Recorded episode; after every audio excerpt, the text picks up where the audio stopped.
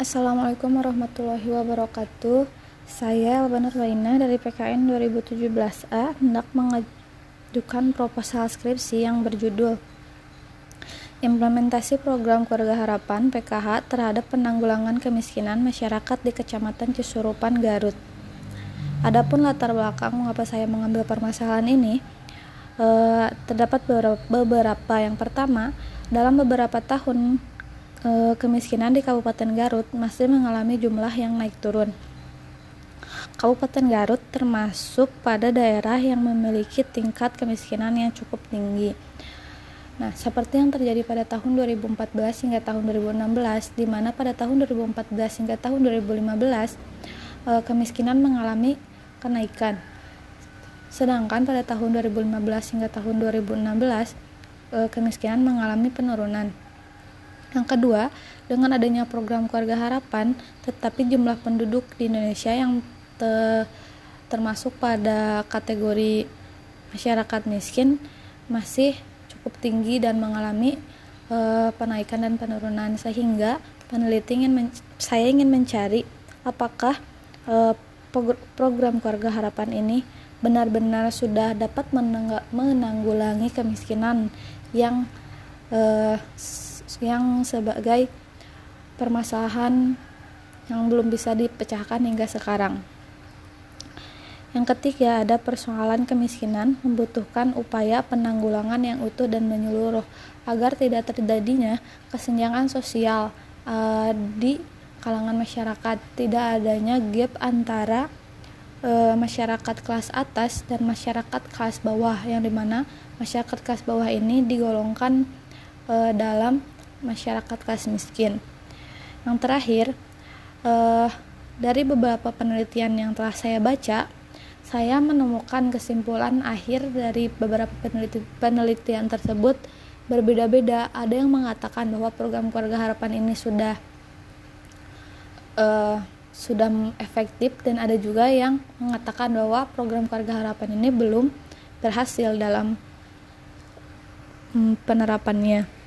Seperti yang dilakukan uh, penelitian yang dilakukan oleh Khadijah Isnaini Kholib yang dan kawan-kawan yang berjudul Implementasi Program Keluarga Harapan dalam Menanggulangi Kemiskinan di Kecamatan Dawa, Dawar, Dawar Blandong, Kabupaten Mojokerto yang menyimpulkan bahwasanya program ini belum berhasil berbeda dengan uh, penelitian yang dilakukan oleh Claudio Usman yang berjudul Efektivitas Program Keluarga Harapan dalam rangka penanggulangan kemiskinan. E, beliau menyimpulkan bahwasanya program keluarga harapan ini sudah efektif dalam penerapannya. Yang selanjutnya, e, identifikasi masalah. Yang pertama ada kesejahteraan masyarakat Salah satunya tergantung pada kebijakan yang dikeluarkan oleh pemerintah. Maka untuk melahirkan kesejahteraan di masyarakat, pemerintah harus mengeluarkan kebijakan yang memiliki peran dalam peningkatan kesejahteraan. Yang kedua, dari setiap kebijakan pasti terdapat kelemahan dalam pelaksanaan program kerjanya. Maka dari itu masyarakat akan mengukur seberapa tingkat keberhasilan dari sebuah kebijakan. Yang ketiga, untuk menanggulangi kendala yang akan lahir eh, pada pelaksanaan sebuah kebijakan, maka pemerintah harus memiliki strategi untuk menghadapi kendala yang akan timbul. Selanjutnya, saya mer e, merumuskan beberapa masalah. Yang pertama ada bagaimana proses perancangan program keluarga harapan dalam upaya menanggulangi kemiskinan di Kecamatan Cisurupan. Yang kedua, bagaimana pelaksanaan program keluarga harapan dalam upaya menanggulangi kemiskinan di Kecamatan Cisurupan. Yang ketiga, bagaimana proses evaluasi program keluarga harapan dalam upaya menanggulangi kemiskinan di Kecamatan Cisurupan. Dan yang terakhir atau yang keempat, bagaimana pengaruh program keluarga harapan terhadap penanggulangan kemiskinan masyarakat di Kecamatan Cisurupan. Adapun tujuan dari penelitian yang akan dilakukan yaitu satu, mengetahui proses perancangan program keluarga harapan dalam upaya menanggulangi kemiskinan masyarakat di Kecamatan Cisurupan. Yang kedua, mengetahui pelaksanaan program keluarga harapan dalam upaya menanggulangi kemiskinan di Kecamatan Cisurupan. Yang ketiga, mengetahui proses evaluasi program keluarga harapan dalam upaya menanggulangi kemiskinan di Kecamatan Cisurupan. Dan yang terakhir, mengetahui pengaruh program keluarga harapan terhadap penanggulangan kemiskinan masyarakat Kecamatan Cisurupan. Adapun manfaat dari penelitian yang akan dilakukan yaitu ada manfaat secara teoritis dan manfaat secara praktis. Di mana manfaat secara teoritis yaitu penelitian ini berguna untuk pengembangan dari disiplin keilmuan sosial, terutama dari segi keilmuan sosial, politik yang lebih condong pada kebijakan publik. Lalu ada manfaat secara praktis. Yang pertama, pen penulisan proposal peneliti in, penelitian ini diharapkan dapat memberikan pengetahuan dan pemahaman khususnya kepada pembaca hasil penelitian mengenai implementasi program keluarga harapan. Yang kedua, diharapkan dengan adanya penelitian ini bisa menambah efektivitas dari implementasi program keluarga harapan dalam menanggulangi kemiskinan. Dan yang terakhir, setelah mempelajari penelitian ini, penulis mengharapkan adanya perhatian dari pemerintah untuk meningkatkan pelayanan terhadap penduduk miskin atau penduduk yang kurang mampu. Selanjutnya penjelasan istilah. E, saya mengambil tentang yang pertama kebijakan publik itu sendiri. Yang kedua e, tentang kesejahteraan. Yang ketiga tentang kemiskinan dan yang terakhir tentang program keluarga itu sendiri yang di mana program keluarga harapan ini e, dijalankan berdasarkan peraturan undang-undang, yakni Undang-Undang Nomor 40 Tahun 2004 tentang Jaminan Sosial Nasional, Undang-Undang Nomor 11 Tahun 2009 tentang Kesejahteraan Sosial, Inpres No 3 Tahun 2010 tentang Rencana Tindak Percepatan tindak percepatan pencapaian sasaran program pro rakyat dan Perpres No 15 tahun 2010 tentang percepatan penanggulangan kemiskinan.